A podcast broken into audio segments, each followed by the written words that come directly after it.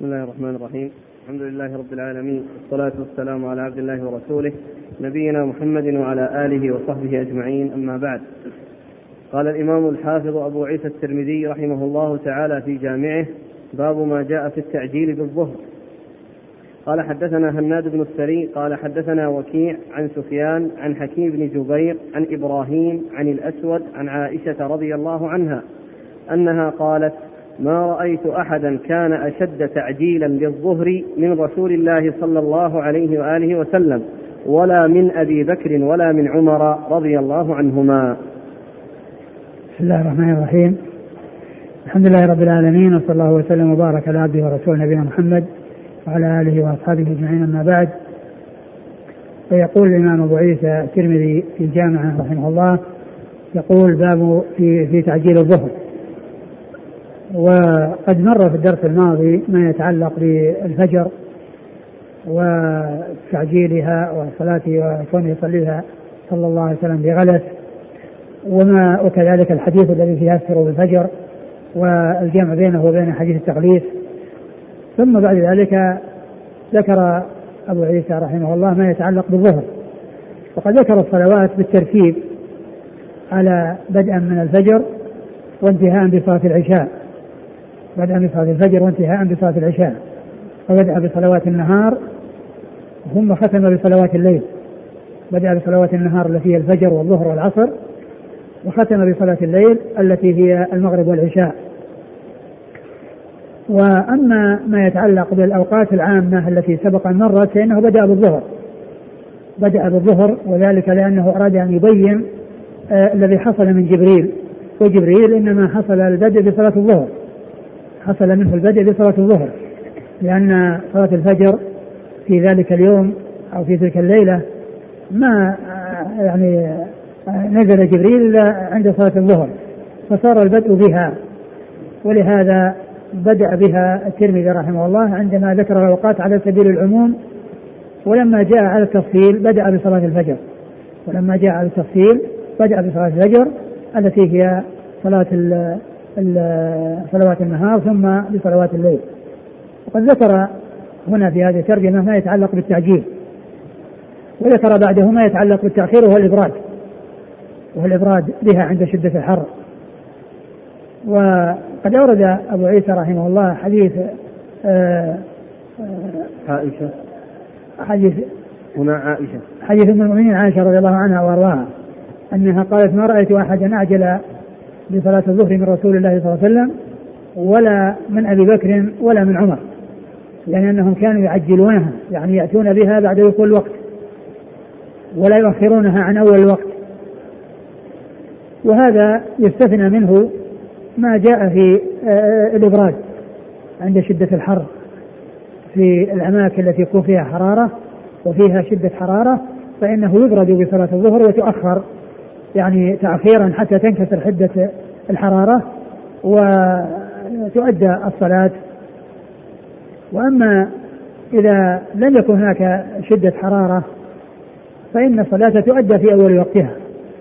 تؤدى في أول وقتها. وهذا الحديث فيه أن الرسول صلى الله عليه وسلم كان يعجلها ويأتي بها في أول وقتها وكذلك أبو بكر وعمر رضي الله تعالى عنهما. ومن المعلوم أن سنة الرسول صلى الله عليه وسلم هي التي يلزم اتباعها ومعلوم أن الخلفاء الراشدين هم التابعون للرسول صلى الله عليه وسلم هم تابعون له بل هم أول التابعين له أول التابعين للرسول صلى الله عليه وسلم هم خلفاء الراشدين رضي الله تعالى عنهم وأرضاهم.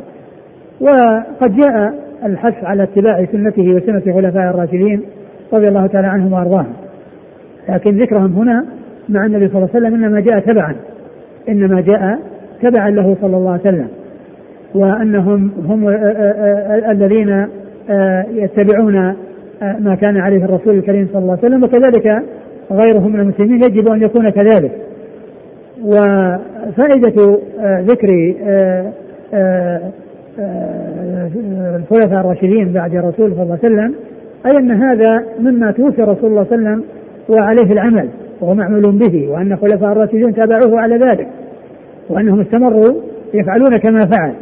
ومعنى ذلك أن هذه هذه السنة استمرت أو, أو كان عليها رسول الله صلى الله عليه وسلم حتى حتى توفي وأن الخلفاء الراشدين من بعده كانوا على هذه الطريقة وعلى هذا المنهاج. وكما عرفنا الحديث يدل على آه، تعجيل صلاة الظهر. وقد جاء حديث أخرى تدل على ما دل عليه. والحديث في إسناده حكيم بن جبير وهو ضعيف. وضعفها الألباني من أجل هذا الراوي لكن معناه ثابت ويعني ويعتبر والترمذي حسنه. والأحاديث الأخرى التي آه، تدل على ما دل عليه شاهدة له ودالة على ما دل عليه. فيعني آه، ما جاء فيه ثابت يعني من ناحية التعجيل لأن الأحاديث المتعددة الدالة على التعجيل هي بمعناه ولكنه من حيث الإسناد يعني هذا الإسناد هو ضعيف. وأيضا وجد له آه، متابع كما ذكر ذلك الشيخ أحمد شاكر رحمه الله فإنه يعني له وجد له متابع. وحتى لو لم يوجد له متابع فإن الأحاديث الأخرى الدالة على ما دل عليه شاهدة له ودالة على ما دل عليه. نعم. قال حدثنا هناد بن السري. هناد بن السري أبو السري ثقة أخرجه البخاري في خلق افعال العباد ومسلم وأصحاب السنن. عن وكيع. وكيع بن الجراح الرؤاسي الكوفي وهو ثقة أخرجه أصحاب الكتب الستة. عن سفيان. عن سفيان وهو سفيان بن سعيد بن مسروق الثوري ثقة فقيه أخرجه أصحاب الكتب الستة. وهنا مبهم وهنا مهمل سفيان لم ينسب. ولكنه إذا جاء وكيع يروي عن سفيان وسفيان مهمل غير منسوب فإنه يحمل على على الثوري. نعم. عن حكيم بن جبير. عن حكيم بن جبير ضعيف أخرجه أصحاب السنن. عن إبراهيم. عن إبراهيم بن يزيد بن قيس النخعي الكوفي وهو ثقة أخرجه أصحاب الكتب الستة. عن الأسود. عن الأسود وهو ابن قيس النخعي وهو ثقة أخرجه أصحاب الكتب الستة. عن عائشة. عن عائشة أم المؤمنين رضي الله عنها وأرضاها الصديقة من الصديق وهي واحدة من ثلاثة أشخاص عرفوا بكثرة الحديث عن النبي صلى الله عليه وسلم. قال وفي الباب عن جابر بن عبد الله. جابر بن عبد الله الأنصاري رضي الله تعالى عنهما هو أحد السبع المعروفين بكثرة الحديث عن النبي صلى الله عليه وسلم. وخباب وخباب بن الأرت أخرجه أصحاب الكتب الستة. وأبي برزة وأبي برزة الأسلمي أخرجه أصحاب الكتب الستة. وابن مسعود وابن مسعود عبد الله بن مسعود أخرجه أصحاب الكتب الستة. وزيد بن ثابت وزيد بن ثابت أخرجه أصحاب الكتب الستة. وأنس وأنس بن مالك رضي الله عنه خادم النبي صلى الله عليه وسلم وهو أحد السبع المعروفين بكثرة الحديث عن النبي عليه الصلاة والسلام. وجابر بن سمرة وجابر بن سمرة أخرج له أصحاب الكتب الستة. قال أبو عيسى حديث عائشة حديث حسن. وهو الذي اختاره أهل العلم من أصحاب النبي صلى الله عليه وسلم ومن بعدهم.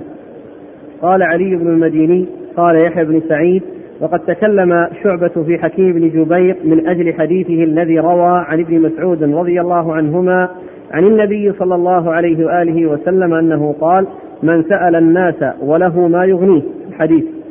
قال يحيى وروى له سفيان وزائدة ولم ير يحيى بحديثه بأسا. قال محمد وقد روي عن حكيم بن جبير عن سعيد بن جبير عن عائشة رضي الله عنها عن النبي صلى الله عليه وسلم في تعجيل الظهر. ثم ذكر الترمذي رحمه الله أن يعني شعبة تكلم فيه يعني في حكيم بن جبير من أجل حديث يتعلق بالسؤال يعني في آه وعنده آه يعني السؤال في الصدقة والحديث سيأتي عند الترمذي يعني فيما بعد ولكن آه، شعبة تكلم فيه من أجل ذلك الحديث. وقال إن يحيى لم يرى بحديثه بأسا يعني يحيى بن سعيد القطان لم يرى بحديثه بأسا والحافظ في التقريب قال إنه ضعيف.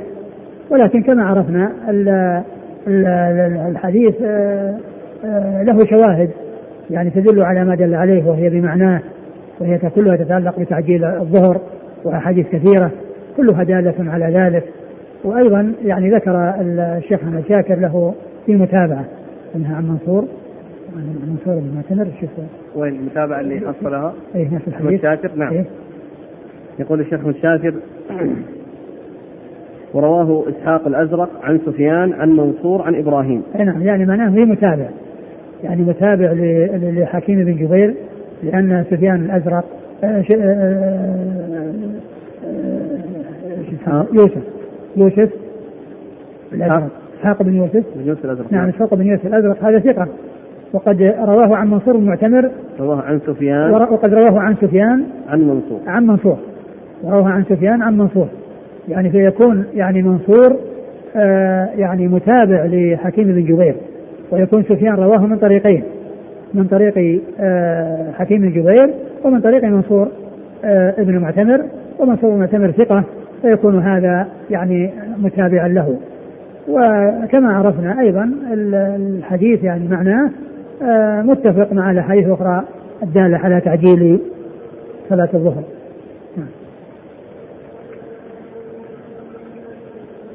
قال علي بن المديني قال يحيى علي بن المديني آه ثقة أخرج له. البخاري وابو داود والترمذي والنسائي وابن ماجه في التفسير. البخاري البخاري. وأبو داود. البخاري وأبو داود والترمذي والنسائي وابن ماجه في التفسير. قال يحيى بن سعيد. يحيى بن سعيد القطان ثقة أخرجه أصحاب الكتب الستة. وقد تكلم شعبة في حكيم بن جبير من أجل حديثه الذي روى عن ابن مسعود. شعبة بن الحجاج الواسطي ثم البصري ثقة أخرجه أصحاب الكتب الستة. قال يحيى وروى له سفيان وزائدة ولم ير يحيى بحديثه بأسا. يعني روى يعني روي عن حكيم سفيان وروى له أيضا زائدة من قدامة وهو ثقة أخرج أصحاب الكتب الستة. ولم يرى يحيى بحديثه بأسا. يعني آه، سفيان لم يرى بحديث آه، حكيم بن جبير بأسا. ولم يرى يحيى بحديثه بأسا. نعم. قال محمد وقد روي عن حكيم بن جبير عن سعيد بن جبير عن عائشة عن النبي صلى الله عليه وسلم في تعجيل الظهر يعني وقد وقال محمد محمد هو البخاري وهو إمام هو أمير المؤمنين في الحديث وصاحب الصحيح وذكر طريقا أخرى يعني إيش قال فيها؟ وقد روى وقد روي عن حكيم بن جبير عن سعيد بن جبير عن عائشة. نعم وقد روي عن حكيم بن جبير عن سعيد بن جبير عن عائشة. يعني ذاك عن طريق إبراهيم عن الأسود عن عائشة وهذا طريق سعيد بن جبير عن عائشة. سعيد بن جبير سعيد بن جبير ثقة أخرجه اصحاب في الستة. قال حدثنا الحسن بن علي الحلواني قال أخبرنا عبد الرزاق قال أخبرنا معمر عن الزهري قال أخبرني أنس بن مالك رضي الله عنه أن رسول الله صلى الله عليه وآله وسلم صلى الظهر حين زالت الشمس. ثم أرد أبو عيسى حديث أنس بن مالك رضي الله عنه أن النبي صلى الله عليه وسلم صلى الظهر حين زالت الشمس. زالت الشمس يعني حصل الزوال. وهذا يدل على التعجيل. وهذا دال على التعجيل لأنها اذا إذا صلى حين زالت يعني من صلى أول وقتها لأن الظهر تبدأ يبدأ وقتها إذا زالت الشمس عند الزوال عند الزوال يبدأ وقت الظهر فصلىها النبي صلى الله عليه وسلم حين زالت الشمس فهو شاهد لحديث حكيم بن جبير نعم قال حدثنا الحسن بن علي الحلواني الحسن بن علي الحلواني ثقة أخرجه أصحاب في الستة إلا النسائي عن عبد الرزاق عبد الرزاق بن همام الصنعاني اليماني وهو ثقة أخرجه أصحاب في الستة عن معمر, معمر بن راشد الأزدي ثم البصري ثم اليماني وهو ثقة أخرجه أصحاب الكتب الستة. عن الزهري عن الزهري وهو محمد بن مسلم بن عبد الله بن شهاب الزهري ثقة أخرجه أصحاب الكتب الستة. عن أنس بن مالك. أنس بن مالك رضي الله عنه خادم النبي عليه الصلاة والسلام وأحد السبعة المعروفين بكثرة الحديث عن النبي صلى الله عليه وسلم والزهري من صغار التابعين وأنس من صغار الصحابة ففيه رواية آه، من هو من صغار الصحابة التابعين عن من هو من روا... عن من هو من كبار من صغار الصحابة. رواية تابعي صغير عن صحابي صغير. قال أبو عيسى هذا حديث صحيح وهو أحسن حديث في هذا الباب. وفي الباب عن جابر. نعم. جابر مر ذكره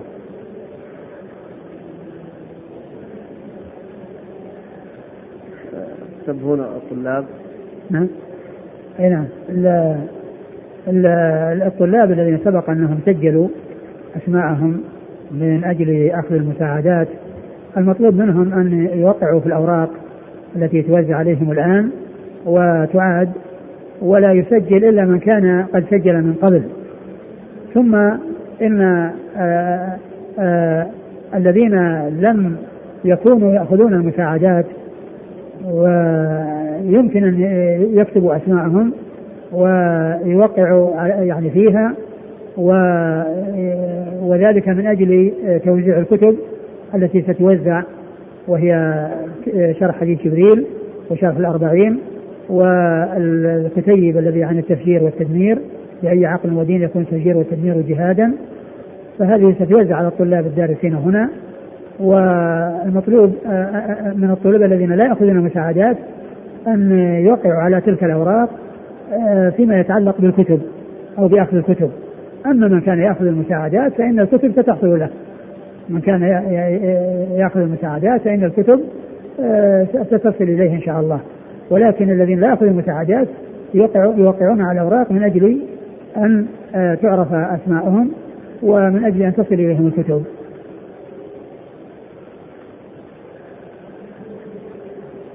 يكون التوزيع في مكتب التوجيه باب رقم 12 توزيع الكتب؟ يعني بالنسبة للذين لا يأخذون مساعدات أيوه. نعم. الباب رقم 12 في إيه. مكتب التوجيه. أيه الذين يأخذون المساعدات الذين يأخذون المساعدات ستصل إليهم الكتب مع المساعدات عن طريق العرفاء. نعم عن طريق الجماعة اللي يعطونهم المساعدات وأما الذين لا يأخذون المساعدات يأخذون من مكتب توجيه. توجيه باب رقم 12 من يوم الثلاثاء ابتداء من يوم الثلاثاء بعد صلاة العصر إلى بعد صلاة العشاء. أي نعم ابتداء من يوم الثلاثاء القادم. قال رحمه الله تعالى باب ما جاء في تأخير الظهر في شدة الحر. قال حدثنا قتيبة قال حدثنا الليث عن ابن شهاب عن سعيد بن المسيب وأبي سلمة عن أبي هريرة رضي الله عنه أنه قال قال رسول الله صلى الله عليه وعلى آله وسلم إذا اشتد الحر فأبردوا عن الصلاة فإن شدة الحر من فيح جهنم قال رحمه الله تعالى باب ما جاء في تأخير الظهر في شدة الحر. قال حدثنا قتيبة قال حدثنا الليث عن ابن شهاب عن سعيد بن المسيب وأبي سلمة عن أبي هريرة رضي الله عنه أنه قال قال رسول الله صلى الله عليه وعلى آله وسلم إذا اشتد الحر فأبردوا عن الصلاة فإن شدة الحر من فيح جهنم.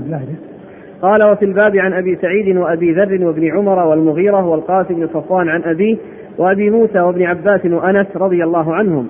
قال وروي عن عمر رضي الله عنه عن النبي صلى الله عليه وسلم في هذا ولا يصح. قال أبو عيسى حديث أبي هريرة حديث حسن صحيح. وقد اختار قوم من أهل العلم تأخير صلاة الظهر في شدة الحر وهو قول ابن المبارك وأحمد وإسحاق. قال الشافعي إنما الإبراد بصلاة الظهر إذا كان مسجدا ينتاب أهله من البعد. فأما المصلي فأما المصلي وحده والذي يصلي في مسجد قومه فالذي أحب له أن لا يؤخر الصلاة في شدة الحر. قال أبو عيسى ومعنى من ذهب إلى تأخير الظهر في شدة الحر هو أولى وأشبه بالاتباع. وأما ما ذهب إليه الشافعي أن الرخصة لمن ينتاب من البعد والمشقة والمشقة على الناس فإن في حديث أبي ذر ما يدل على خلاف ما قال الشافعي.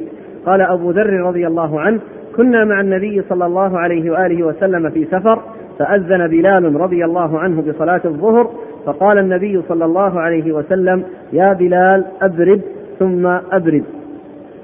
فلو كان الأمر على ما ذهب إليه الشافعي لم يكن للإبراد في ذلك الوقت معنى لاجتماعهم في السفر وكانوا لا يحتاجون أن ينتابوا من البعد.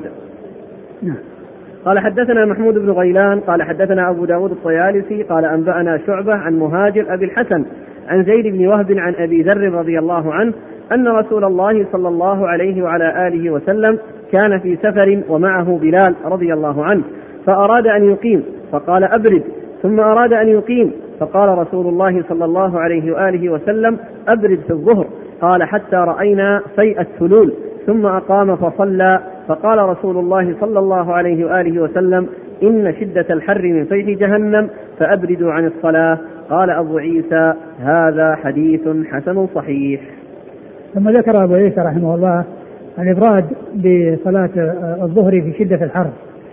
يعني أنه إذا اشتد الحر فإن الناس يبردون بالصلاة.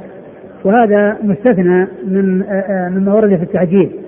مما ورد في التعجيل في أول وقتها أن ذلك في غير شدة الحر أما في شدة الحر فإن السنة والذي يشرع هو التأخير تؤخر الصلاة عن أول وقتها و آه، آه، فيكون التعجيل مستثنى منه يعني هذه الحالة. مستثنى منه هذه الحالة وهي الإبراد لشدة الحر قد أورد أبو عيسى رحمه الله حديث أبي هريرة يعني في ذلك إذا اشتد الحر فأبردوا عن الصلاة فإن شدة الحر من فيح جهنم. يعني ما أبردوا يعني أنهم آه، آه، يؤخرونها حتى يدخلوا في البراد وحتى يأتي وقت البراد الذي آه، يكون بعد انكسار حدة الحرارة وشدة الحرارة فتؤخر الصلاة عن أول وقتها في شدة الحر وذلك تخفيفا على الناس وتيسيرا على الناس. وقال إن هذا قال الترمذي إن هذا هو الذي عليه يعني عمل آه، آه، جماعة من من أهل العلم أنهم يرون تأخيرها يعني مطلقا يعني يرون تأخيرها مطلقا سواء كان يأتون المسجد من مكان بعيد أو أن المسجد قريب منهم وأنهم يأتون من أماكن قريبة إلى المسجد فإن الحكم يشمل آه، هذه الأحوال كلها. ثم نقل عن الشافعي أنه قال أن أن التأخير إذا كان الناس يأتون من مكان بعيد ينتابون المسجد ويأتون إليه ويصيبهم مشقة من أجل طول المسافة التي بينهم والمسجد فهؤلاء هم الذين يبردون بالصلاة. وإذا كان غير غير هؤلاء فإنهم يصلون الصلاة في أول وقتها. والترمذي رحمه الله يرى أن قول غير الشافعي وهو قول يعني أكثر أهل العلم يعني في الإبراد أنه على عمومه يرى أن قول غير الشافعي أولى وأن الأمر لا يختص في الأماكن البعيدة والتي المسجد من أماكن بعيدة بل يشمل ما كان قريبا وما كان بعيدا واستدل على ذلك بحديث أبي ذر وأنهم كانوا مع النبي صلى الله عليه وسلم في سفر وأن بلالا أراد أن يقيم فقال له أبرد ثم أراد أن يقيم فقال له أبرد ثم ذكر ابرد الصلاة صلاه الظهر بين شده الحر من فحش جهنم ثم صلى بعد ذلك بعد أن رؤي روي أن رؤي ظلال التلول. والتلول هي الاتربه والاشياء التي تتراكم على الأرض. وغالبا أنها يعني ما يحصل لها الظل إلا بعد وقت لأنها تكون يعني آه، منبطحة وليست يعني مسنمة أو أنها قائمة أو شاخصة كما كما يكون بالجدران. والأشخاص قال حتى رأينا فيء التلول يعني الفيء الذي جاء هو الذي حصل من التلول يعني معناه أنهم أخروها لكنها لا تؤخر إلى آخر صلاة الظهر آه، وقت صلاة الظهر ولكنها تؤخر حتى تنكسر الحدة حدة آه، الحرارة وتخف الحرارة فتؤخر الصلاة يعني آه، لذلك. ثم هذا الذي ذكره الترمذي عن الشافعي وعن القول يعني على خلاف ما يقول الشافعي هذا يبين أن الترمذي ليس شافعيا كما يقول بعض الناس أن الترمذي شافعي وأنه على مذهب الشافعي لأن الترمذي هو من الأئمة المجتهدين الذين يأخذون بالدليل ويعولون على الدليل وليس مقلدا لمذهب الشافعي أو تابعا لمذهب الشافعي لأن كلام الترمذي هذا يبين أنه يأخذ بالدليل وان وأن قول الشافعي مرجوع وأن حديث أبي ذر يدل على خلاف ما ذهب اليه خلاف ما ذهب إليه الشافعي من أن الأمر يكون خاص خاصا بمن آه، يكون في مسافة بعيدة يأتون المسجد ويصيبهم مشقة كبيرة. نعم.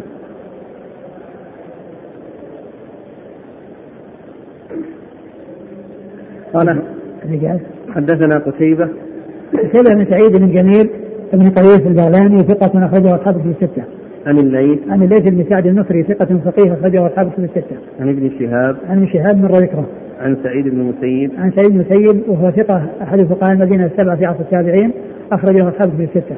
وأبي سلمة بن عبد الرحمن بن عوف وهو ثقة آه، من فقهاء المدينة السبعة على أحد الأقوال الثلاثة في السابع منهم وحديثه أخرجه أصحابه في الستة. عن أبي هريرة عبد الرحمن بن صخر الدوسي صاحب رسول الله صلى الله عليه وسلم وأكثر الصحابة حديثا على الإطلاق رضي الله عنه وأرضاه. قال وفي الباب عن أبي سعيد وفي الباب عن أبي سعيد أبي سعيد الخدري سعد بن مالك بن سنان أحد السبع المعروفين بكثرة الحديث عن النبي عليه الصلاة والسلام. وأبي ذر وأبي ذر هو جد بن جنادة أخرج له أصحاب كتب الستة. وابن عمر. وابن عمر عبد الله بن عمر بن الخطاب رضي الله عنهما أحد العبادلة الأربعة وأحد السبعة المعروفين بكثرة الحديث عن النبي عليه الصلاة والسلام. والمغيرة. والمغيرة بن شعبة رضي الله عنه وحديثه أخرجه أصحاب في الستة. والقاسم بن صفوان عن أبيه. والقاسم بن صفوان عن أبيه، القاسم بن صفوان هو ليس من رجال الكتب. نعم وأبوه كذلك. هو إيه. صفوان بن مخرمة. نعم يعني ليس من رجال كتب الستة. نعم. قال يقول أحمد شاكر نسبه ابن حجر حديثهم لأحمد والحاكم ونسبه الهيثمي في مجمع الزوائد للطبراني في الكبير نعم. وأبي موسى أبو موسى الأشعري عبد الله بن قيس أخرج أصحاب في الستة. وابن عباس. وابن عباس عبد الله بن عباس أحد العبادلة وأحد السبعة المعروفين بكثرة الحديث عن النبي عليه الصلاة والسلام. وأنس. وأنس بن مالك رضي الله عنه مر ذكره. قال وروي عن عمر عن النبي صلى الله عليه وسلم في هذا ولا يصح. وروي عن عمر بن الخطاب أمير المؤمنين وثاني الخلفاء الراشدين الهاديين المهديين صاحب المناقب الجنة والفضائل الكثيرة وحديثه عند أصحاب الكتب الستة. قال الترمذي ولا يصح لأن في إسناده محمد بن حسن بن زباله وهو متهم.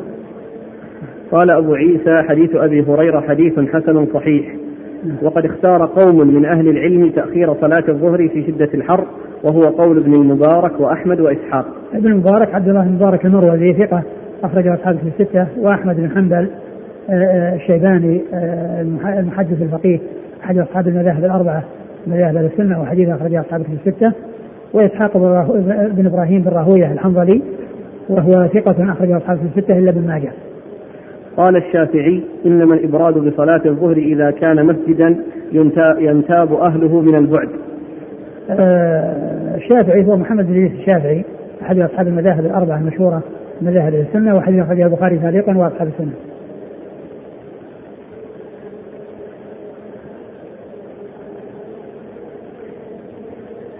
قال أبو عيسى ومعنى من ذهب إلى تأخير الظهر في شدة الحر هو أولى وأشبه بالاتباع وأما ما ذهب إليه الشافعي أن الرخصة لمن ينتاب من البعد والمشقة على الناس فإن في حديث أبي ذر ما يدل على خلاف ما قال الشافعي. ثم ذكر حديث أبي ذر الذي فيه أنهم كانوا في سفر ومعلوم أنهم كانوا في سفر أنهم متقاربون. أنهم متقاربون ليسوا في أماكن متباعدة. ومع ذلك حصل الإبراج وتبقى هذه السنة لمن يصلي وحده لعذر. نعم من يصلي وحده لعذر فإنه يكون آه، ما دام إنه في مكانه ولن يتعرض للشمس لا شك إنه يبكر أقول يبكر يصلي صلاته في وقتها لأنه ما فيه ما فيه يعني تعرض لل للشمس أو للحرارة. هو سواء صلى في أول وقت أو في أو أو بعد ذلك هو في مكان واحد. قال حدثنا محمود بن غيلان. محمود بن غيلان آه ثقة أخرجه أصحاب في الستة إلا أبا داود. عن أبي داود الطيالسي. عن أبي داود الطيالسي وهو سليمان بن داود وهو ثقة أخرجه البخاري تعليقا ومسلم وأصحاب السنة. عن شعبة عن مهاجر أبي حسن. شعبة مر ذكره ومهاجر أبي الحسن ثقة أخرج له أصحاب الكتب إلا ابن ماجه. أصحاب الكتب الستة إلا ابن ماجه. عن زيد بن وهب. عن زيد بن وهب وهو ثقة أخرجه أصحاب الستة. عن أبي ذر. عن أبي ذر رضي الله عنه وقد مر ذكره. قال أبو عيسى هذا حديث حسن صحيح. قال رحمه الله تعالى باب ما جاء في تعجيل العصر. قال حدثنا قتيبة قال حدثنا الليث عن ابن شهاب عن عروة عن عائشة رضي الله عنها أنها قالت صلى رسول الله صلى الله عليه وعلى آله وسلم العصر والشمس في حجرتها لم يظهر الفيء من حجرتها. ثم ورد أبو داود باب ما جاء في تعجيل العصر. باب ما جاء في تعجيل العصر يعني أنها تصلى في أول وقتها. وورد في ذلك حديث عائشة أن النبي صلى الله عليه وسلم صلى الظهر والشمس في حجرتها لم يظهر الفيل. وذلك قيل لأن الحجرة صغيرة وال ال ال يعني وكونه يعني لم يظهر تظهر الشمس منها يعني لم ترتفع آه يعني يفيد التبكير ويفيد ان أنها صلىها في أول وقتها. وذلك لصغر الحجرة وكون الشمس يعني لم تذهب يعني منها ولم آه، آه، تظهر آه، لسبب ذلك وهو دال على أن الرسول صلى الله عليه وسلم ذكر في في صلاة العصر وأنه أداها في أول وقتها. قال حدثنا قتيبة عن الليث عن ابن شهاب عن عروة عروة بن الزبير مر ذكر أول إسناد وعروة بن الزبير بن العوام ثقة فقيه أحد فقهاء المدينة السبعة في عصر التابعين أخرج حديث أصحاب في الستة وعائشة مر ذكرها. قال وفي الباب عن أنس وأبي أروى وجابر أنس مر ذكره وأبو أروى ليس له رواية. ما ليس له رواية في الستة. وجابر ورافع وجابر مر ذكره ورافع بن خديج ثقة صحابي أخرجه أصحاب في الستة. قال ويروى عن رافع أيضا عن النبي صلى الله عليه وسلم في تأخير العصر ولا يصح. يعني ويروى عنه يعني قول حديث آخر. يخالف الحديث الأول الذي فيه التعجيل يعني ولا يصح يعني ذلك الذي فيه التأخير. نعم. قال أبو عيسى حديث عائشة حديث حسن صحيح وهو الذي اختاره بعض أهل العلم من أصحاب النبي صلى الله عليه وسلم منهم عمر عمر الله بن مسعود. عمر الخطاب مر ذكره. وعبد الله بن مسعود مر ذكره. وعائشة وأنس. وعائشة وأنس مر ذكرهم وغير واحد من التابعين تعجيل صلاة العصر وكرهوا تأخيرها. نعم. وبه يقول عبد الله بن المبارك والشافعي وأحمد وإسحاق. كل هؤلاء مر ذكرهم. قال حدثنا علي بن حجر قال حدثنا إسماعيل بن جعفر عن العلاء بن عبد الرحمن أنه دخل على أنس بن مالك رضي الله عنه في داره بالبصرة حين انصرف من الظهر. وداره بجنب المسجد فقال قوموا فصلوا العصر قال فقمنا فصلينا فلما انصرفنا قال سمعت رسول الله صلى الله عليه وآله وسلم يقول تلك صلاة المنافق يجلس يرقب الشمس حتى إذا كانت بين قرني الشيطان قام فنقر اربعا لا يذكر الله فيها إلا قليلا. ذكر بعد ذلك حديث أنس بن مالك رضي الله عنه ومن هو الذي جاء إليه؟ العلاء بن عبد الرحمن. العلاء العلاء بن عبد الرحمن. العلاء بن عبد الرحمن. دخل عليه وقد انصرف من صلاة الظهر فقال فقال صليتم العصر؟ لا. لا قوموا قوموا فصلوا العصر. قالوا إننا انصرفنا من صلاة الظهر. نعم. قال إننا انصرفنا من صلاة الظهر. قال تلك صلاة المنافق يعني تأخير الصلاة. يعني المنافقين الذين يؤخرون الصلاة عن عن وقتها ثم إذا قرب غروب الشمس نقروها نقرا خفيفا لا يطمئنون فيها لأنهم يراءون الناس وصلاتهم مراءة للناس ولا يذكرون الله إلا قليلا. فالحديث يدل على التذكير بها لكن لا يعني ذلك أنها صليت في وقت الظهر وإنما صليت بعد دخول وقتها يعني في أول وقتها صليت في أول وقتها. نعم. قال حدثنا علي بن حجر علي بن حجر هو السعدي وهو ثقة أخرجه البخاري وأبو داود والترمذي والنسائي. البخاري ومسلم والترمذي. البخاري البخاري ومسلم وأبو داود والترمذي. البخاري ومسلم والترمذي والنسائي. البخاري ومسلم والترمذي والنسائي. عن إسماعيل بن جعفر. عن إسماعيل بن جعفر ثقة أخرجه أصحاب كتب الستة. عن العلاء بن عبد الرحمن. عن العلاء بن عبد الرحمن وهو ثقة أخرج له. صدوق ربما وهم. صدوق ربما وهم أخرجه البخاري. جزء القراءة. جزء القراءة ومسلم وأصحاب السنة. عن أنس. عن أنس رضي الله عنه وقد مر ذكره. مع ذلك كأنهم أخروا الظهر. نعم. هو هو الذي يبدو. أقول هو الذي يبدو أنهم أخروا الظهر. ولعله يعني كان فيه في شدة حر فيه إبراج.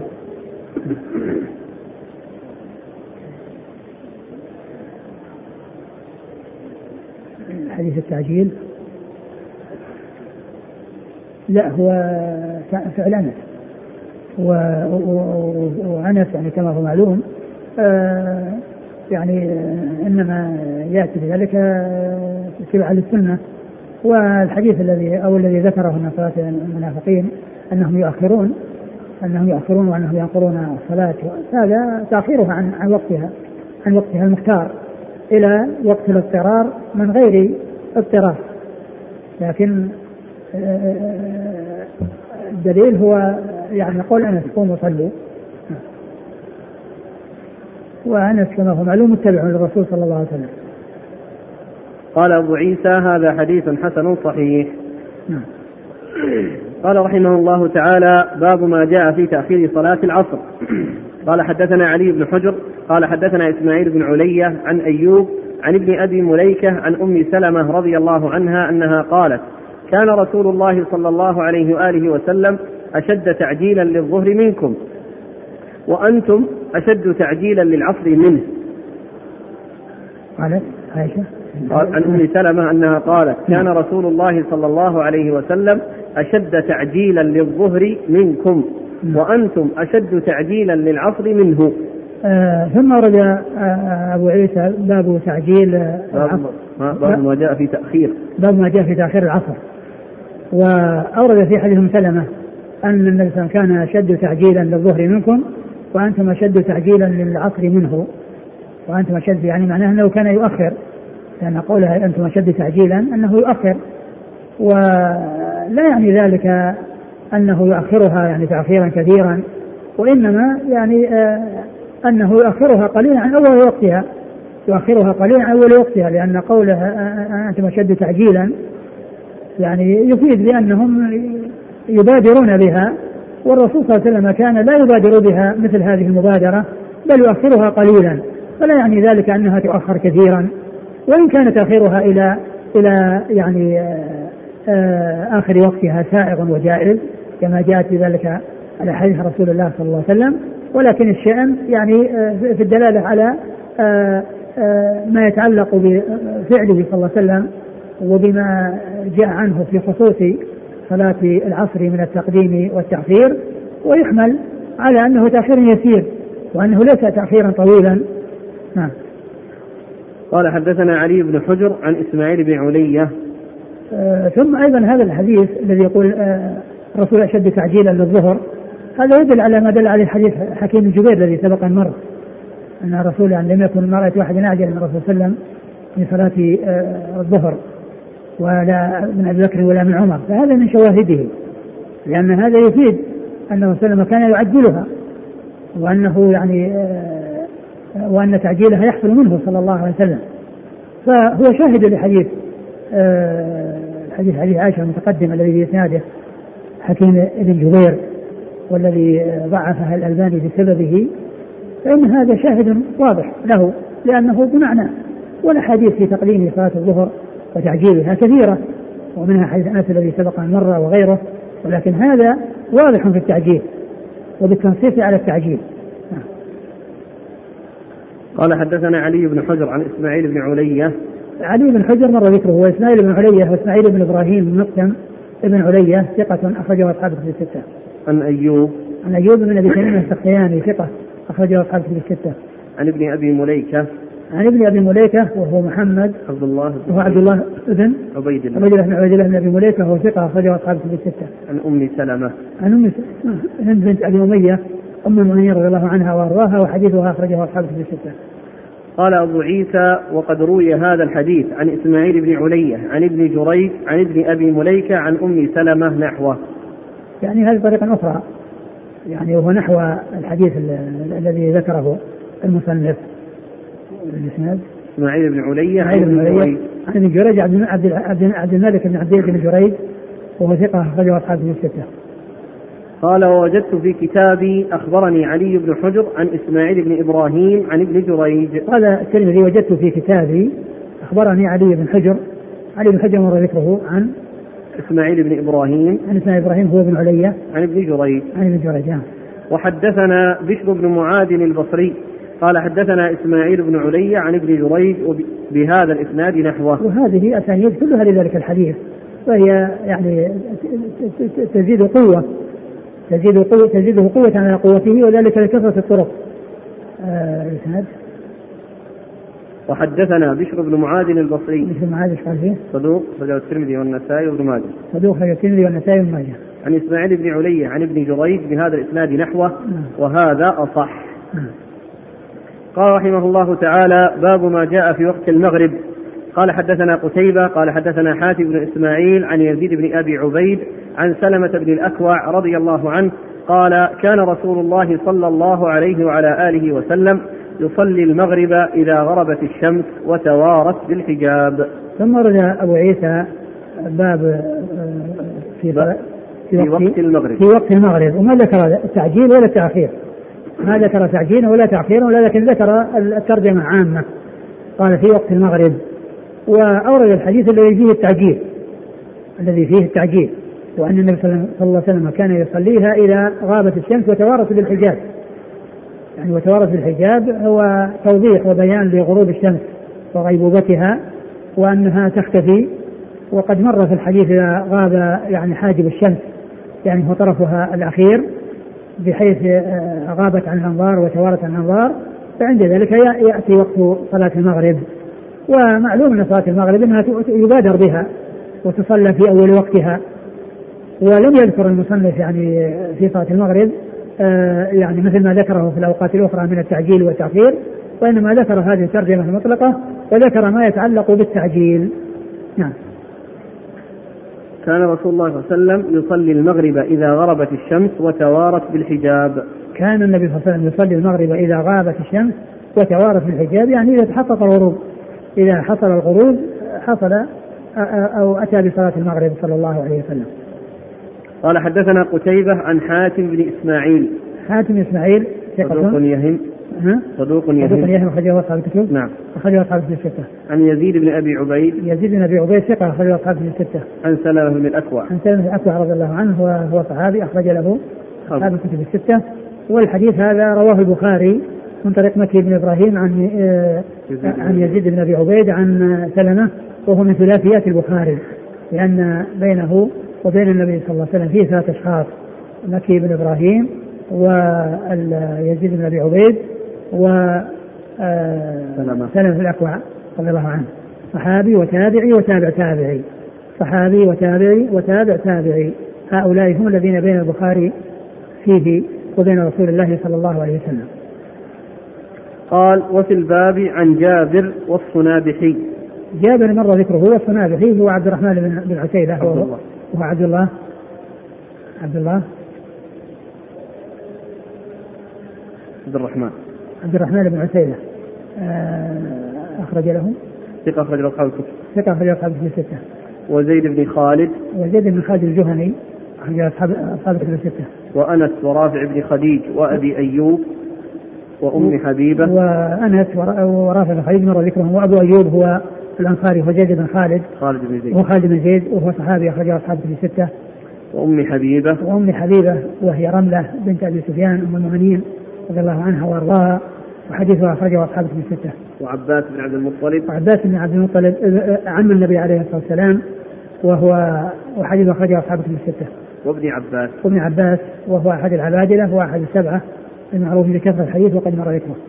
وحديث العباس قد روي موقوفا عنه وهو أصح. نعم. والصنابحي لم يسمع من النبي صلى الله عليه وسلم وهو صاحب أبي بكر رضي الله عنه. نعم. قال أبو عيسى حديث سلمة بن الأكوع هو, هو كاد أن يكون صحابيا لأنه قدم إلى النبي صلى الله عليه وسلم ولما كان بالجحفة متجه إلى المدينة جاء من اليمن وإذا ركب جاءوا من المدينة فأخبروهم بأن أنه أن الرسول صلى توفي يعني بالأمس وأنهم يعني دفنوه بالأمس. ف يعني ما حصل له شرف الصحبة. نعم. الركب من اليمن لكن هو من أين أتى؟ نعم. هو إيش؟ صنادق إيه. ذكرتم أنه لما لما وصل الجحفة وقد جاء من من اليمن. ما جاء من اليمن؟ يعني ميقات اليمن. كله الجحفه شمال. لا الجحفة أقول الجحفة هو جاء من اليمن إلى المدينة. أو جاء من اليمن إلى المدينة. شمال إيش؟ شمال مكة شمال مكة. لا هو جاء المدينة ما جاء مكة. نعم.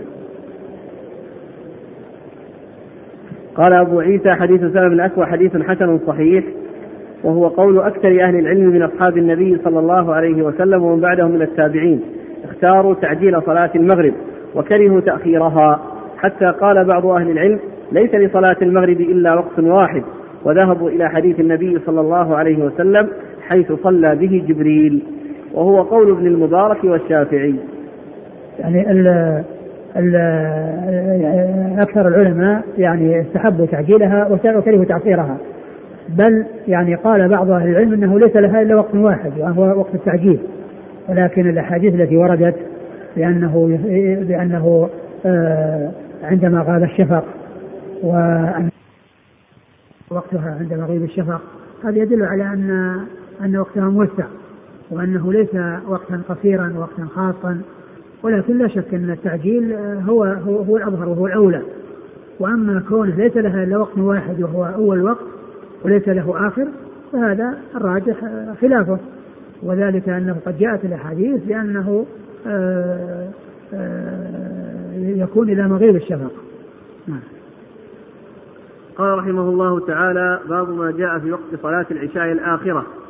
قال حدثنا محمد بن عبد الملك بن أبي الشوارب قال حدثنا أبو عوانة عن أبي بشر عن بشير بن ثابت عن حبيب بن سالم عن النعمان بن بشير رضي الله عنهما أنه قال أنا أعلم الناس بوقت هذه الصلاة كان رسول الله صلى الله عليه وآله وسلم يصليها لسقوط القمر لثالثة. ثم أورد أبو عيسى رحمه الله في تعجيل صلاة العشاء. وقت صلاة العشاء الآخرة. وقت صلاة العشاء الآخرة؟ نعم. في وقت صلاة العشاء الآخرة. يعني أول وقتها المقصود بها أول وقتها. لأنه ذكر الحديث المتعلق بأول الوقت وأورد حديث النعمان بن بشير رضي الله عنه وقال أنا أعلم أعلم الناس. نعم. في وقت هذه الصلاة. أنا أعلم الناس في وقت هذه الصلاة. كان يصليها إذا غاب القمر لليلة الثالثة إذا غاب القمر لليلة الثالثة وقوله أنا أعلم الناس في هذه الصلاة لعله يقصد بذلك الذين كانوا موجودين وكان هو من صغار الصحابة. ومعنى ذلك أن الذين يعني كانوا موجودين هو أعلمهم. وإلا ف وأيضا آه، يريد من وراء هذا الكلام أن أن يؤخذ عنه العلم وأن يؤخذ عنه ما يعني يأتي به عن رسول الله صلى الله عليه وسلم وأنه متحقق من هذا الشيء الذي يخبر به. وهذا من كمال نصف الصحابة رضي الله عنهم وأرضاهم وحرصهم على آه، آه، إبلاغ السنن وإتيانهم بالأمور التي تفيد السامع تثبتهم وتيقظهم وأنهم متمكنون مما يحدثون به عن رسول الله صلى الله عليه وسلم. و وهذا يدل على التعجيل. هذا الحديث يدل على التعجيل نعم قال حدثنا محمد بن عبد الملك بن أبي الشوارب محمد بن عبد الملك بن أبي الشوارب صدوق أخرجه مسلم والترمذي والنسائي وابن ماجه. صدوق مسلم والترمذي والنسائي وابن ماجه. عن أبي عوانة عن أبي عوانة الوضاح بن عبد الله اليشكري ثقة أخرجه أصحاب الكتب الستة. عن أبي بشر عن أبي بشر هو جعفر بن اياس بن أبي وحشية وهو ثقة أخرجه اصحاب الكتب الستة. عن بشير بن ثابت. عن بشير بن ثابت وهو ثقة أخرجه أبو داود والترمذي والنسائي. ثقة أخرجه أبو داود والترمذي والنسائي. عن حبيب بن سالم. عن حبيب بن سالم وهو لا بأس به أخرجه مسلم وأصحاب السنن. لا بأس به أخرجه مسلم وأصحاب السنن. عن النعمان بن بشير. عن النعمان بن بشير رضي الله تعالى عنهما وهو آه، صحابي أخرج له أصحاب الكتب الستة وهو من صغار الصحابة وقد توفي رسول الله صلى الله عليه وسلم وعمره ثمان سنوات. قد توفي رسول الله صلى الله عليه وسلم وعمره ثمان سنوات. قال حدثنا أبو بكر محمد بن أبان قال حدثنا عبد الرحمن بن مهدي عن أبي عوانة بهذا الإسناد نحوه. نعم أبو بكر محمد بن أبان ثقة رجل البخاري وأصحاب السنن. ثقة أخرجه البخاري وأصحاب السنن. عن عبد الرحمن بن مهدي. عن عبد الرحمن بن مهدي ثقة أخرجه أصحاب الكتب الستة. عن أبي عوانة. عن أبي عوانة مريته قال أبو عيسى روى هذا الحديث هشيم عن أبي بشر عن حبيب بن سالم عن النعمان بن بشير ولم يذكر فيه هشيم عن بشير بن ثابت. ثم ذكر أن الحديث جاء من طريق أخرى ومن طريق هشيم وهشيم هو بشير الواسطي وهو ثقة أخرجه أصحاب في الستة. وحديث أبي عوانة أصح عندنا. لا أسقط بشير بن ثابت. نفس الإسناد.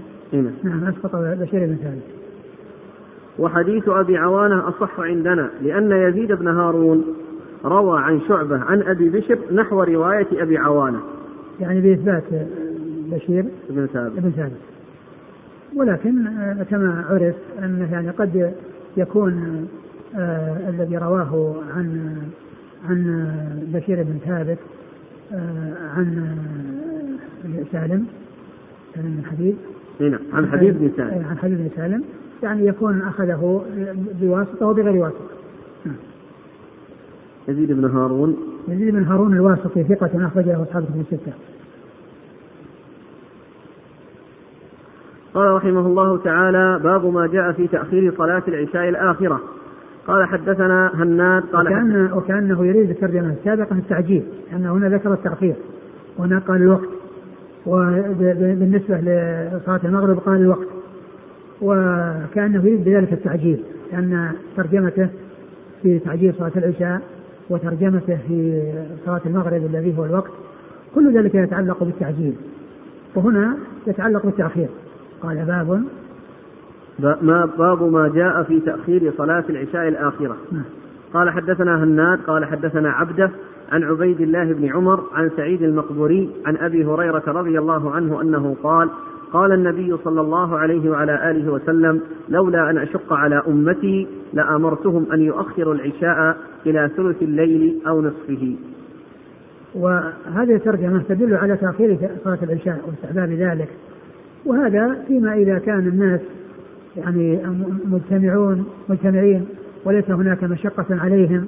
وأما إذا كان آه، هناك من هو بحاجة إلى النوم أو من كان في تعب فإن تعجيلها والإتيان بها في أول وقتها هذا هو المطلوب. والرسول صلى الله عليه وسلم أخبر بأنه الذي منع من ذلك عدم المشقة يعني خوف المشقة وأنه لولا المشقة لأمرهم أن يؤخروها. فيدل على أن المقصود هو حيث لا مشقة. أما إذا وجد المشقة فإن دفعها أي دفع المشقة والإتيان بالصلاة في أول وقتها هو المطلوب لا سيما مع آه، آه، وجود الأعمال وتعب تعب آه، الذين يفتحون بالنهار ويحتاجون إلى الراحة فإن تأخير الصلاة يعني إن ناموا قبل أن يصلوا أدى ذلك إلى تفويتها وإن يعني أخروا ذلك وانتظروا لحقهم مشقة بالتأخير لحقهم مشقة بالتأخير. لكن إذا كان الناس مثلا جماعة يعني كانوا مسافرين أو كانوا مع بعض وكانوا محصورين وعددهم معروف وليس هناك أحد وهم يعرفون حالهم ويعني أخروها آه، وليس على أحد منهم مشقة. فهذا هو الذي آه، ينطبق عليه ما جاء في هذا الحديث الذي هو الاتيان بها مع اندفاع المشقة. لولا أن يشق على أمتي؟ لأمرتهم أن يؤخروا العشاء إلى ثلث الليل أو نصفه. لأمرتهم أن يؤخروا العشاء إلى ثلث الليل أو نصفه. يعني هذه يحتمل أن تكون للشك ويحتمل أن تكون للتنويع. وقد جاء في بعض الأحاديث ما يدل على أن آه، آخر وقت العشاء ثلث الليل. وقد جاء ما يدل على أنه النصف. وما جاء في النصف ثابت عن رسول الله صلى الله عليه وسلم في أحاديث فيكون آه فيكون آه النهاية هو النصف. والثلث آه داخل في النصف. ولا شك أن يعني الاتيان بها في أي وقت من, من, من, أول دخول وقتها إلى نصف الليل كله أداء لها في الوقت. كل ذلك أداء لها في الوقت. أو هنا في الحديث يحتمل التنويع يعني هذا أو هذا ويحتمل الشك. من الراوي هل الرسول قال هذا أو قال هذا وقد ثبت عن النبي هذا وهذا ثبت عن النبي الثلث بدون شك وثبت عنه النصف بدون شك قال حدثنا هناد عن عبده هناد مر ذكره وعبده بن سليمان وهو ثقة أخرجه أصحاب في الستة. عن عبيد الله بن عمر عبيد الله بن عمر العمري المصغر وهو ثقة أخرجه أصحاب في الستة. عن سعيد المقبوري عن سعيد المقبوري وهو ثقة أخرجه أصحاب في الستة. عن أبي هريرة عن أبي هريرة وقد مر ذكره. قال وفي الباب عن جابر بن سمرة وجابر بن عبد الله وأبي برزة وابن عباس وأبي سعيد الخدري وزيد بن خالد وابن عمر. وكل هؤلاء مر ذكرهم قال أبو عيسى حديث أبي هريرة حديث حسن صحيح وهو الذي اختاره أكثر أهل العلم من أصحاب النبي صلى الله عليه وسلم والتابعين وغيرهم. رأوا تأخير صلاة العشاء الآخرة وبه يقول أحمد وإسحاق. يعني حيث لا مشقة كما هو موضوع كما هو منطوق الحديث يعني حيث لا يكون مشقة فإذا وجد مشقة فإن التعجيل هو المطلوب. قال رحمه الله تعالى باب ما جاء في كراهية النوم قبل العشاء والسمر بعدها. والله تعالى أعلم وصلى الله وسلم وبارك على عبده ورسوله نبينا محمد وعلى آله وأصحابه أجمعين. جزاكم الله خيرا وبارك الله فيكم ونفعنا الله بما قلتم.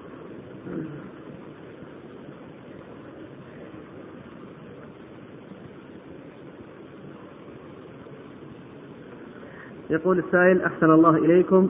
عندنا في البلاد يؤخرون صلاة المغرب إلى قبيل مغيب الشفق وأحيانا حتى يغيب الشفق.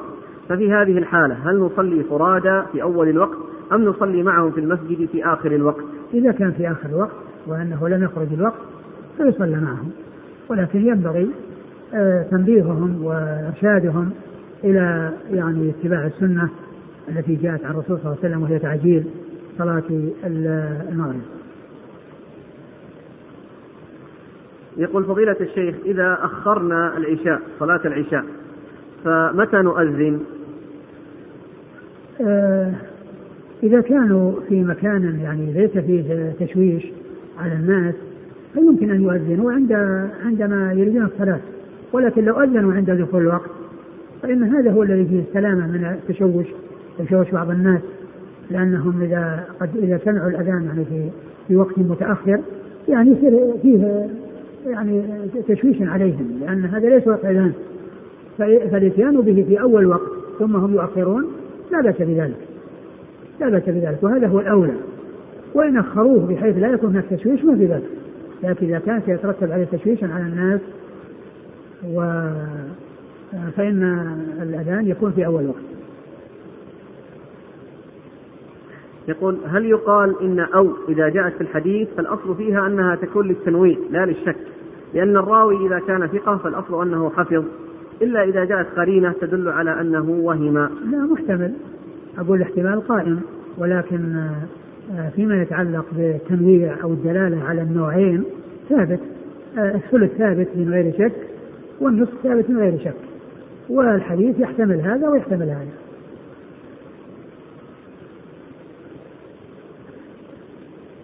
يقول كيف يحسب نصف الليل أو ثلثه بالساعات هو من المغرب إلى طلوع الفجر. الليل بدايته آه، آه، مغرب ونهايته طلوع الفجر. هذا والنهار يبدأ من طلوع الفجر إلى غروب الشمس. يبدأ من طلوع الفجر وينتهي بغروب الشمس. هذا هو حد الليل والنهار. ولكنهما كما يتفاوتان في الطول والقصر. ولكن ال ال يعني ال آه، قد قسمت يعني ساعات الليل والنهار إلى 24 ساعة. 24 ساعة ولكن هذه الساعات أجزاء تتفاوت طولا وقصرا. فعند تساوي الليل والنهار يتساوى الساعات. وأما إذا طال الليل وقصر النهار فإن الساعات تنقص عن الواحدة عندما عن الساعة الواحدة. يعني عن الساعة الواحدة التي هي جزء من 12 جزء فيما إذا نقص يعني الليل فإنه ينقص المقدار. وذلك أنه ينظر بين غروب الشمس وطلوع الفجر وهذا هو الذي يكون عليه التوزيع ويكون به النصف.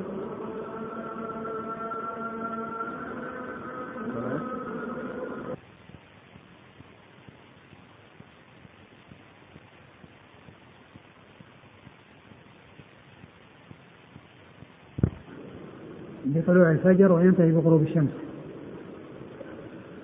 وقد سبق أن مر بنا في سنن أبي داود في الجمعة أن من تفقه أبي داود أنه قال ما كان عليه جنابة ثم اغتسل بعد طلوع الفجر فإنه يجزئه عن الفجر وعن غسل الجمعة لأنه حصل في النهار لأن غسل حصل في النهار فيكون يعني يغتسل يوم الجمعة بعد طلوع الفجر. وجاء في القرآن ثم أتم الصيام إلى الليل. يعني إلى غروب الشمس. إلى غروب الشمس.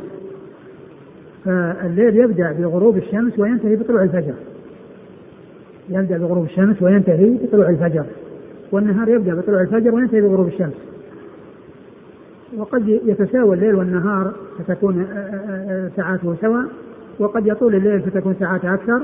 وقد يقل يطول النهار فيكون كذلك أكثر وساعات الليل والنهار هي مقسمة إلى 24 جزء. وقد ذكرها السعادة في كتاب فقه اللغة وذكر آه، يعني أن ساعات الليل 12 ساعة وساعات النهار, النهار 12 ساعة وسمى كل تلك الساعات يعني 24 اسم. يعني كل جزء من هذه الجزئيات ذكر له اسما يعني عند أهل اللغة. فال يعني هذا التقسيم إلى 24 ساعة يعني و24 جزء يعني في الليل والنهار ذكره السعادة في فقه اللغة وذكر ساعات الليل والنهار وأن آه، كل كل من الليل 12 وهذه لها أسماء وهذه لها أسماء فذكر 24 اسما لهذه الساعات ال 24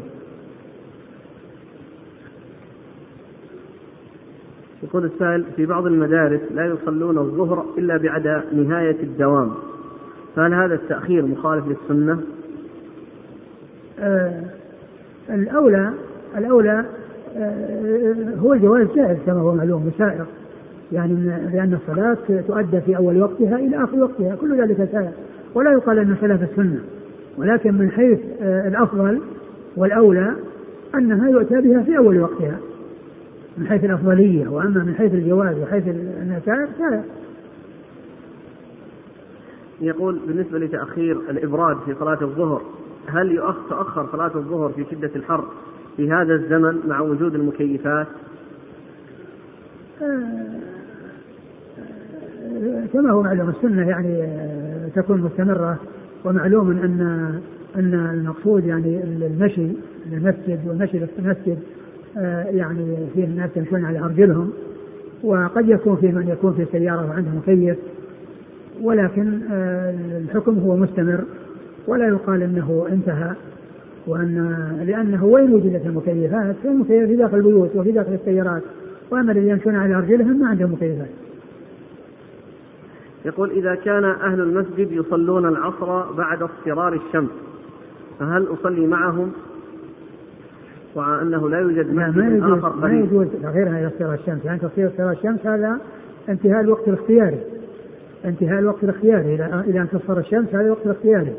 وبعده وقت اضطراري. لا يجوز لا تؤدى فيه الصلاة إلا لمن كان مضطرا كأن يكون نائما يستيقظ آه، قبل غروب الشمس فإن إنه يؤديها وأداء وصلاته اداء ليست قضاء لأنها في الوقت.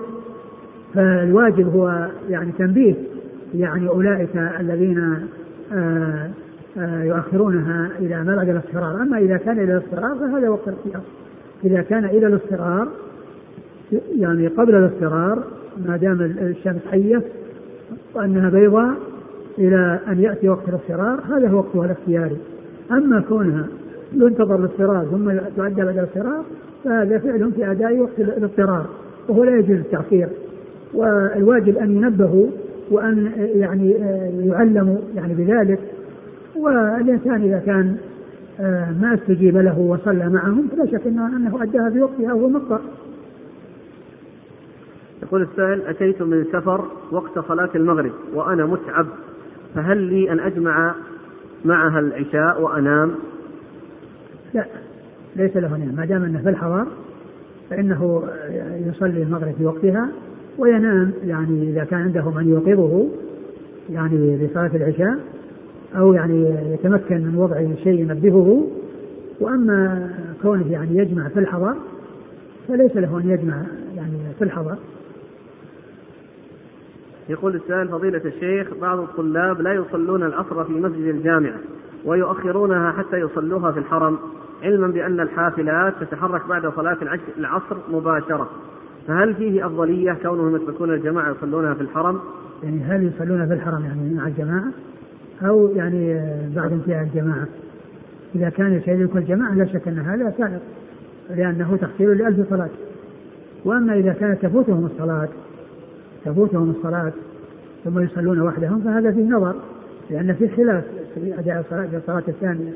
وإن كان الصحيح أنه يجوز أن يصلى صلاة ثانية يعني لمن لم لمن لم يتعمد آه، آه، آه، التخلف عن الصلاة مع الإمام. أما إذا كان الإنسان يأتي المسجد لا يريد أن يصلي وراء الإمام وإنما يتعمد أن يأتي بعد الصلاة ليصلي لأنه لا يريد أن يصلي وراء الإمام هذا لا يجوز. أما من كان يريد الصلاة ولكنها فاتته فإن له أن يصلي جماعة. فإذا كان أنهم سيدركون فلا شك أن هذا سائر. وأما إذا كانوا لا, لا يعني تفوتهم الصلاة فمحتمل لأن يكون له وجه أنهم يصلون صلاة المسجد النبوي لانها بألف صلاة ويحتمل أن يكون كونهم يصلون مع الناس ولا تفوتهم الجماعة ولا يعرضون أنفسهم لفوات الجماعة الأصلية التي يؤذن لها وتقام الصلاة لها. آه، المسألة محتملة. هذا لكل وجه. يقول السائل البعض من الإخوة يتخلف عن صلاة العشاء في رمضان لكنه يصليها مع الإمام بصلاة التراويح أو القيام فهل هذا جائز؟ كون يتخلف متعمدا لا يجوز له ذلك لأن الواجب عليه أن يأتي ويصلي مع الناس. لكن من كان آه لم يتمكن من آه أداء الصلاة مع الجماعة في الفرض لكونه آه آه نائبا فاستيقظ أو لكونه آه، حصل مانع يمنعه ولكنه جاء وأدرك صلاة التراويح فإنه يدخل مع الإمام إن كان مسافرا يصلي معه ركعتين ويسلم وإن كان مقيما فإنه يصلي معه ركعتين ثم يأتي بركعتين ثم يقوم ويقضي ركعتين. يقول ما حكم الجمع بين الصلاتين أو تأخير الصلاة من أجل محاضرة علمية؟ ما حكم إيش؟ الجمع بين الصلاتين أو تأخير الصلاة من أجل محاضرة علمية. لا يجمع بين الصلاتين من أجل محاضرة وإنما الجمع يكون في السفر. ويكون في الحضر في حق من كان مسافرا ولكنه مقيم مثل ما جمع النبي صلى الله عليه وسلم في تبوك وكان مقيما بها. والجمع هو خلاف الأولى. إلا في حق من كان جادا به السير فإنه يجمع يعني على ما يكون أصلح له وأرفق به. وأما كونه يعني يجمع بين صلاتين من أجل محاضره وتؤخر صلاة من أجل محاضره أو تقدم صلاة من أجل محاضره هذا لا يجوز. جزاكم الله خيرا وبارك الله فيكم ونفعنا الله برسوله.